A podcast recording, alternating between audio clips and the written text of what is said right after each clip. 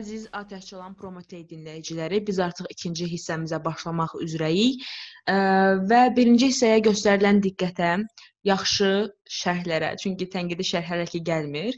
O belə deyək də, çox kritik bir yeri var, hansı ki artıq başlayacaq o tənqidi şərhlər. Onda heç kim heç kim dayandıra bilməyəcək. Bax o məqamı gözləyirik həqiqətən bütün həyəcanımızla. Və Hamıya salam.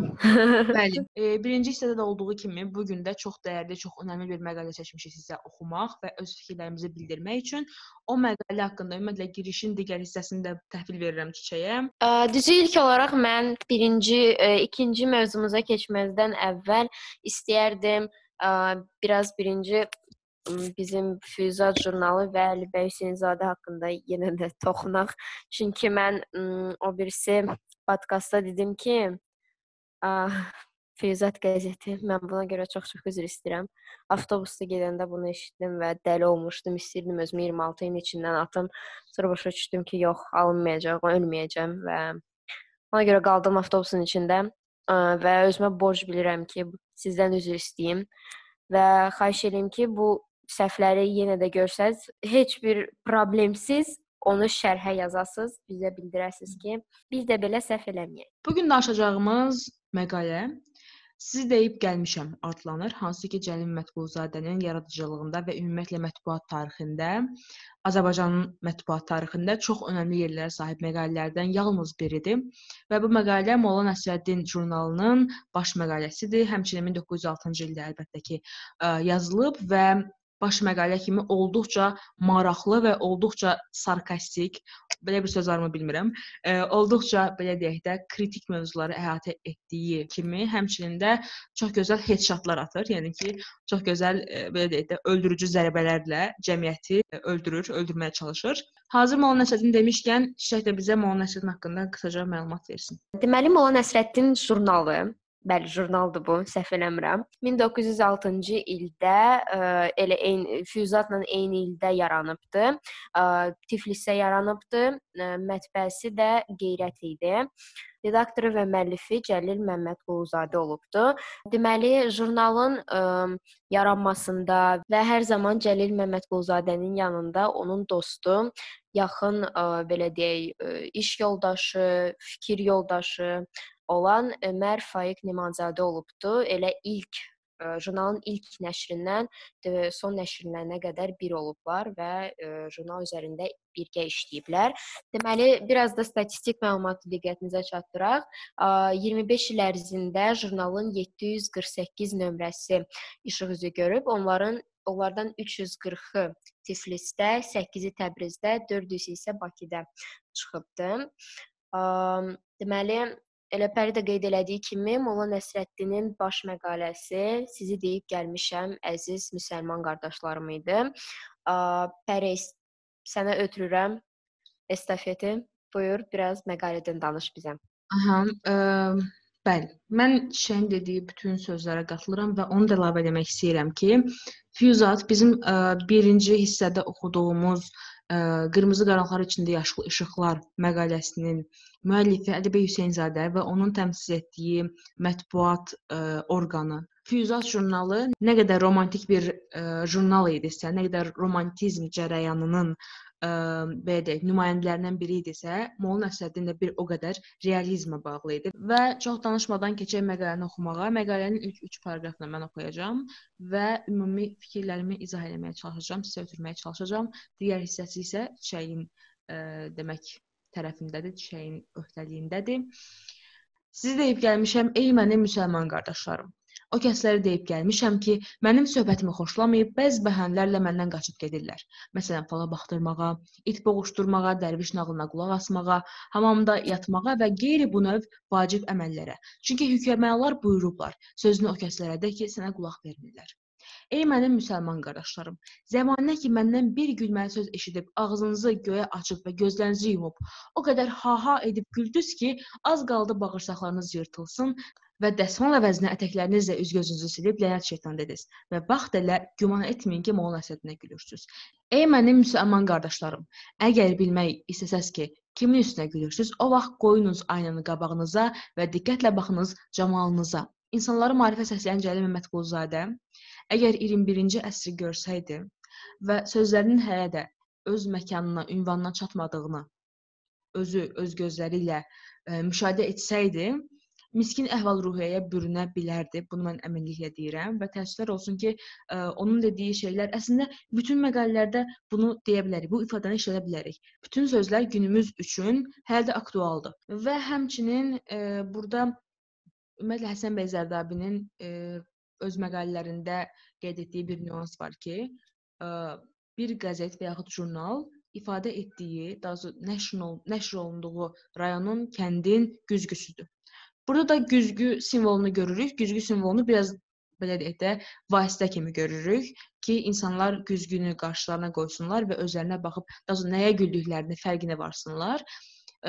Və əslində burada da görürük ki, həmin o güzgü elə Molla Nəsrəddin özüdür. Çünki insanlar Molla Nəsrəddinə gülürlər və Molla Nəsrəddin birdən-birə çevrilərək mükəmməl bir və utopik bir dərəcədə güzgüyə çevrilir və əslində onların özlərinə gülməsi üçün lazım olan bir ə, vasitəyə, bir nüansa, bir bir obyektə çevrilir.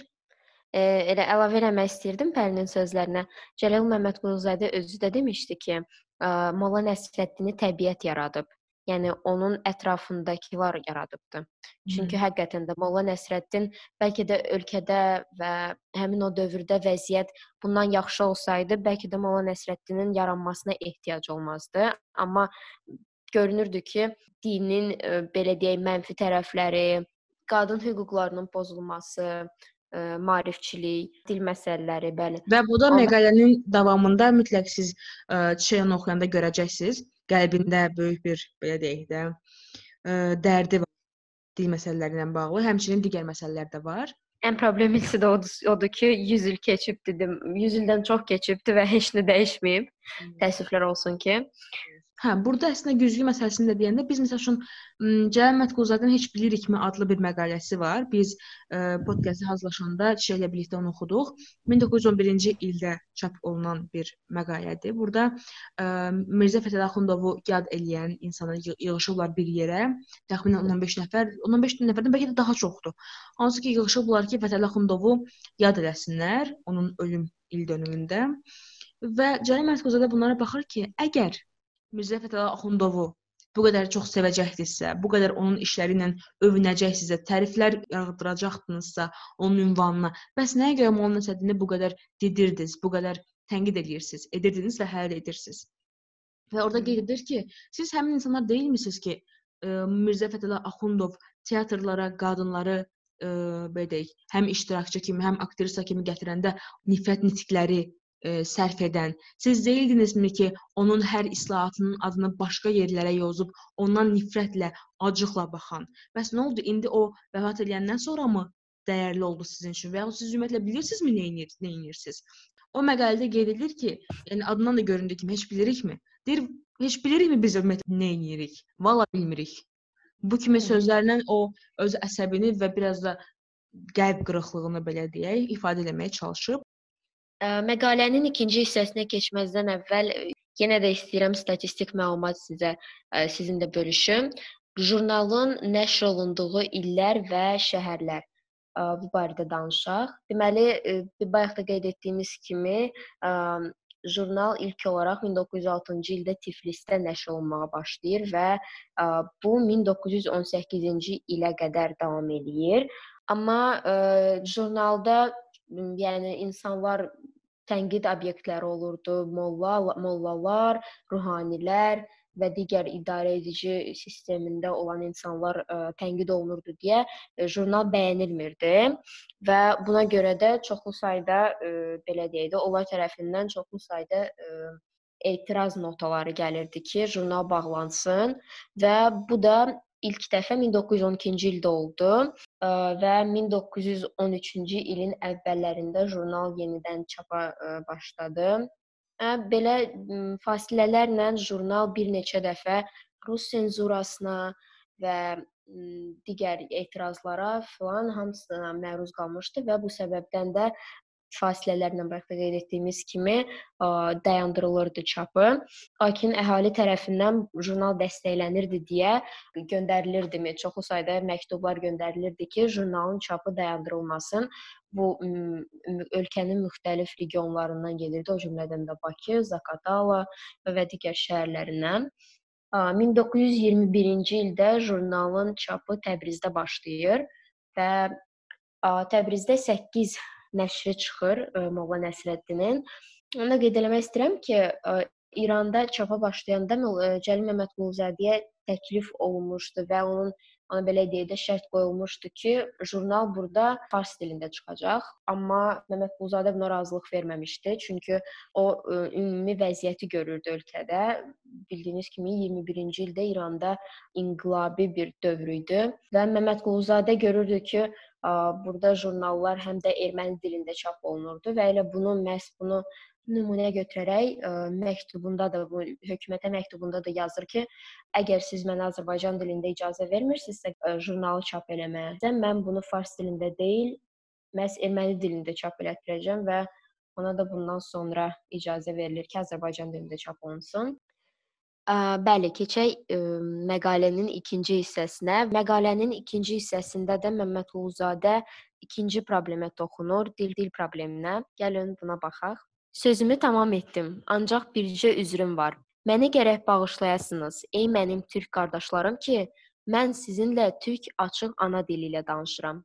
Mən onu bilirəm ki, türk dili danışmaq eyibdir və şəxsin elminin azlığına dəlalət edir. Amma hərdən bir keçmiş günləri yad etmək lazımdır. Salınız yadınıza o günləri ki, ananız sizi beşikdə yırğılaya-yırğılaya sizə türk dilində lay-lay deyirdi və siz qulaq ağrısı səbəbinə sakit olmurdunuz. Axırı biçarə ananız sizə deyirdi: "Bala, ağlama, xortdan gələr səni aparar." Və siz dəxi canınızın qorxusundan səsinizi kəsib ağlamaqdan sakit olurdunuz. Hərdən bir ana dilini danışmaqla keçmişdəki gözəl günləri yad etməyin nə eybi var? Məqalənin ikinci hissəsində o dövrün, elə indiki dövrün də ən belə deyək, mühüm problemi olan dil problemidir. O zamanlar düzdür, fars və rus dilləri çox dəbdə idi, belə deyək və Məmməd Quluzadə buna qəti şəkildə etiraz eləyirdi. Çünki o hesab eləyirdi ki, bizim ana dilimiz türk dilidir və hər bir ə, insan özünü, vətənini sevən insan türk dilində və o cümlədən də Azərbaycan dilində danışmağı bacarmalıdır. Məmməd Quluzadənin dillə bağlı bir dənə də sitatı var. Deyir ki, ölüsü ilə farsça dirisi ilə rusca danışan ey xalqım mənim. Həqiqətən də həmin dövrdə türk dili sayılmırdı. Yəni heç kim istəmirdi həmin hətta, dildə danışsın. Hətta hətta ə, türk dili belə deyil və ya Azərbaycan dili deyilən bir məfhum da yox idi. Tatar dili deyilirdi. Və bu dil məsələsini elə füyuzatçılar da öz məqalələrində bildirirdilər. Ə, ən önəmli füyuzatçılardan biri olan Həsən Səbri Ayvazov məqalələrinin birində deyir: ə, tatarca yazmalıyıq, biz tatarıq deyənlər nəyə görə öz fikirlərinizi davam etdirib, öz ə, fikrinizin ardınca gedib bir tatar dövləti qurmursunuz? əgər biz eləyiksə, deyir Osmanlıdan qorxub, Osmanlı dilindən, türk dilindən qorxub, siz qaçırsınız tatar dilinə. Halbuki elə bir şey yoxdur. Bu Azərbaycan dili adlana bilər və ümumilikdə bu türk dilidir. Yəni bu kimi məsələlər var və indi görürük ki, Hı. o vaxtı rus və ərəb dillərindən ə, etiraz edən, şikayətlənən ədiblərimiz bu günümüzdə olsaydılar, yəqin ki, indi də ingilis dilindən və rus dilindən şikayət etməyə davam edərdilər. Ümumiyyətlə bütün Molla Nəsrəddinçilər ən az 2-3 dil bilən şəxslər olublar. Onlar dilləri çox bilməyə, maarifçiliyə qətiyyən qarşı insanlar olmayıblar. Onlar həmişə bunun e, belə deyək də müdafiəsində olublar ki, Çox dil bilin, bu möhtəşəm bir şeydir. Amma eyni zamanda o çox dili biləndə bu ona e, dəlalət eləmir ki, siz bütün dilləri qarışdırasınız. Bizim saf təmiz bir dilimiz olmalıdır ki, o inkişaf edə bilsin. Burada bir şey də qeyd etmək lazımdır. Biz füyuzat deyirik, monoşədin deyirik. Davamlı bunları bir-birləri ilə kontrastda ə, e, saxlayıb belə müqayisə edirik. Bunu demək lazımdır ki, ə, e, SSR dövründə Molla Nəsrəddin araşdırılmağına icazə verilən təkcə jurnallardan biri idi. Füyuzat isə təəssüflər olsun ki, o şansa ə, o şansı əldə edə bilən bir jurnal deyildi və araşdırılmasına icazə verilmirdi. Bu rəqabətdə ə, üstün görülən jurnal Molla Nəsrəddin idi. Və buna görə də həmin dövrlər əslində və postsovet dövrlərində də hələ ki o sovet qorxusu insanların canından çıxmamış, məhz ona görə də Molla Nəsrəddin sanki Füyuzatdan daha artıq, daha dəyərli, daha önəmli bir jurnal kimi qələmə verilirdi və Füyuzatın özlüyündə e, necə deyirlər, tənqid olunması və yararsız bir jurnal imiş kimi göstərilməsi Molla Nəsrəddinlə kontrastda olduğu müddətdə situasiyada alınırdı və bu da əslində SSR-nin belə deyək, bizim e, milliyyətçi və davamlı türkləşmək deyən, davamlı sloqanlarında bunu ifadə edən jurnala qarşı edilən bir təxribatı, bir təzyiqi idi. Bunu da qeyd eləmədən, yəni ki, keçmək istəmədim. Hər ikisinin biri ağır yazırdı, biri xalq dilində yazırdı. Biri Hı -hı. romantikləri yığmışdı, biri realistləri yığmışdı ətrafına. Amma hər ikisinin bizim mətbuat tarixi üçün olan önəmləri, hansı ki, e, yəni baha biçilməzdir. Onlar sağ olsunlar ki, bu bu prinsipləri bizə ötürüblər və biz daha sonradan ölkə yaratmağa çalışmışıq. Biz daha sonra Azərbaycan Xalq Cümhuriyyətini yaratmışıq və bunlar bu günümüzə çıxmağımıza səbəb olub. Bəli, elə biz də hər şeyə toxunduq, amma jurnalın mühüm bir hissəsi olan ə, karikaturalarına toxunmadıq. Molla Nəsrəddin xalqa yaxın olmaq üçün və hər bir insanın, yəni bildiyiniz kimi həmin dövrdə təhsil alan insan çox az idi. Ona görə də Molla Nəsrəddinin məqalələrində çoxlu sayda atalar sözləri, ara sözləri, xalqın başa düşəcəyi bir sözlər yazılırdı ki, onlar oturub 2 saat başlarını sındırmasınlar ki, burada nə yazılıb görəsən. Jurnalın tərkibində çoxlu sayda karikaturalar olurdu və karikaturaların ə, rəssamları, ilk rəssamlarından biri Oskar Schmerling idi. Ondan sonra Hı Şmerlinqlə yanaşı Əzim Əzimzadə olubdu və sonra kim olubdu bəri? Oskar Şmerlinq olub və bir şey qeyd etmək istəyirəm ki, Mirzə Cəlil Məmmədquluzadə Oskar Şmerlinq haqqında bunu deyirdi. Keçən günlər yadıma salıb məcmuənin yolunda mərhəmət göstərənləri bir daha yada saldıqda, onların içində ən dəyərli köməkçimiz Oskar İvanoviç Şmerlinqə qəlbimin incə bir güşəsindən intihasız salamlar göndərirəm. Deməli, və bayaq da qeyd elədiyimiz kimi, ə, jurnalın ortaya gəlməsində mühüm rol Ömər Faiq Nemanzadəyə ə, düşür və mən istəyirəm ki, biz elə Mirzə Cəlilin öz xatirələri ilə sizi tanış eləyək. Məmməd Quluzadə yazır. Yoldaşım Ömər Faiq Nemanzadəni mən birinci dəfə Şərqi Rus qəzeti idarəsində gördüm. Onunla üns tutdum. Şərqi Rus qəzeti mənim üçün ilk babətdən xoş, qiymətli yadigar oldu. Birinci tərəfi budur ki, möhtərəm ədibimiz Məhəmməd Ağa Şaxtaxtlı məni qəzet dünyasına daxil elədi. İkinci tərəfi odur ki, onun varlığı ilə, onun yoldaşlığı ilə Molla Nəsrəddin məcmuəsini bina etdim. Daha doğrusu bina etdik. Molla Nəsrəddinin ilk sayı Ömər Faiq Nemanzadənin və rəssam Şmerlinqin birgə əməyinin məhsuludur. 1908-ci ildə 1908-ci ildə ə, əhali arasında şayiələr yarandı ki, güya Məmmədquluzadə ölübdü və ə, Molla Nəsrəddinin tərəfdaşı və həmişə dəstəklədiyi İrşad qəzeti ə, yazdı öz məqalələrin birində yazdı ki, bir-iki nəfər Məmmədquluzadələrin, Nemanzadələrin ölümü ilə elə bilirsiniz ki, Molla Nəsrəddini öldürəcəksiniz. Bunu biliniz ki, Molla Nəsrəddini öldürmək mümkün olsa da, Molla Nəsrəddinçiliyi öldürmək olmaz.